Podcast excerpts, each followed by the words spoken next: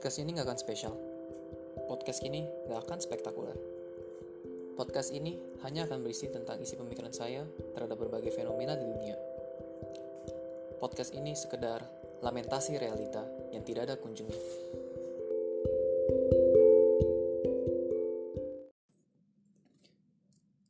Pernah gak sih kita bohongin diri sendiri?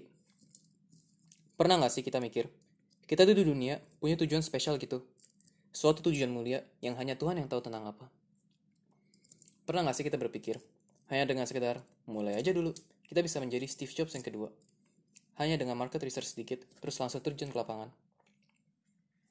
Pernah nggak setelah mikir semua itu, kita frustrasi sama diri sendiri karena kita tidak bisa mencapai segala impian-impian grandur yang kita pengenin itu.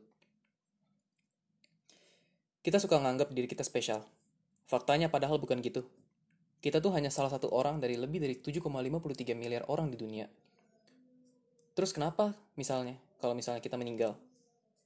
Kira-kira bakal pengaruh banyak gak sih ke dunia? Selain orang tua, keluarga, dan kerabat-kerabat deket kita yang nangisin kita, paling sebulan dua bulan. Siapa sih yang gak pengen sukses? Siapa sih yang gak pengen berhasil dalam semua hal yang dia coba? Namun kadang realita gak semanis itu. Kita sering gak dapat apa yang kita mau, walaupun kita dicoba sebisa mungkin. Kita sekarang hidup pada suatu era yang di mana informasi itu sangat mudah kita capai jika dibandingkan dengan generasi-generasi sebelumnya. Pasti sering kali kita dengar cerita tentang kesuksesan orang-orang di sekitar kita. Entah dari sekedar cicir bibir, ataupun berita-berita di luar, ataupun di sosmed. Gampang banget buat kita buat tahu tentang success stories dari orang-orang sukses ini. Kita sebut aja. Isaac Newton, Walt Disney, Steve Jobs, dan tokoh-tokoh ternama lainnya. Dan dengan mudahnya kita mendengar cerita-cerita sukses dari orang-orang ini, makin mudah juga kita untuk merasa kalau kita itu gagal jika dibandingkan dengan orang-orang di luar biasa ini. Simon Sinek pernah ngomongin tentang masalah ini dalam salah satu speechnya yang ngebahas tentang the millennial question. Dan walaupun dasar dia tentang self-entitlement itu masih bisa didapatkan tentang ilmiahnya. Namun salah satu poin dia ialah bahwa karena tekanan-tekanan tersebut, kalau kita itu harus sukses, harus menjadi yang terbaik, harus menjadi nomor satu dan sebagainya, itu kadang nggak sehat buat kita. Karena kita cenderung terlalu terpaku terhadap cerita-cerita sukses ini yang belum tentu sepenuhnya benar. Kita sering kali terlalu terpaku dengan cerita-cerita sukses ini, dengan orang-orang hebat ini, sehingga kita sering melupakan kalau dia sampai ke sana itu tidak dalam seketika. Kita cenderung bias terhadap kesuksesan mereka. Kita melupakan pengorbanan-pengorbanan yang dia harus buat untuk mencapai ke sana.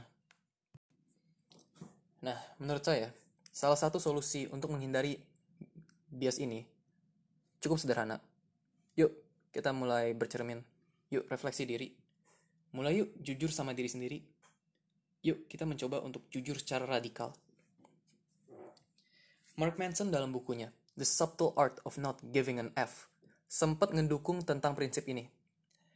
Dia pernah nyebut tentang kalau kita disuruh bikin suatu superhero dalam dunia kita, kita bikin disappointment panda. Intinya, ini adalah seorang panda, di mana yang dia lakuin itu adalah samperin kita satu-satu persatu. Misalnya gue. Terus dia akan bilang secara gamblang hal-hal yang sifatnya cukup menyakitkan namun itu kita perlu tahu. Misalnya, kalau misalnya untuk kasus gue, dia bakal bilang sesuatu seperti, Bro, lu dulu males sih, makanya lu gak dapet kampus idaman lu di jurusan yang lu mau. Mungkin sekali-sekali dia bakal bilang ke gue, Mas, kalau misalnya ada cewek gak mau diajak jalan berkali-kali, mungkin dia sebenarnya gak gitu tertarik sama lu. Mungkin saatnya buat ngelepas gak sih? Intinya dia bakal ngasih-ngasih tahu hal-hal yang menyakitkan seperti itu dengan tujuan sehingga kita bisa terhindar dari bias itu, sehingga kita dapat mengevaluasi diri kita secara objektif dan kita bisa menjawab pertanyaan where do I stand now in life? Dan dari menjawab pertanyaan itu, kita sebenarnya udah ngambil langkah pertama untuk mengevaluasi diri kita sendiri. Dan yang gue pahami ialah, kalau kita udah tahu masalah kita di mana, kita bakal lebih mudah untuk memperbaiki diri kita.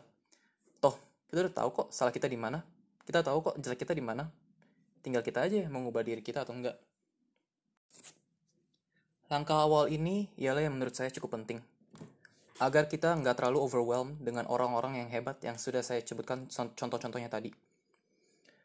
Perlu saya tekenin, kalau misalnya saya bukannya minta kita untuk terima aja diri kita yang nggak spesial, melainkan sebenarnya gue pengen berpikir sekebalikannya.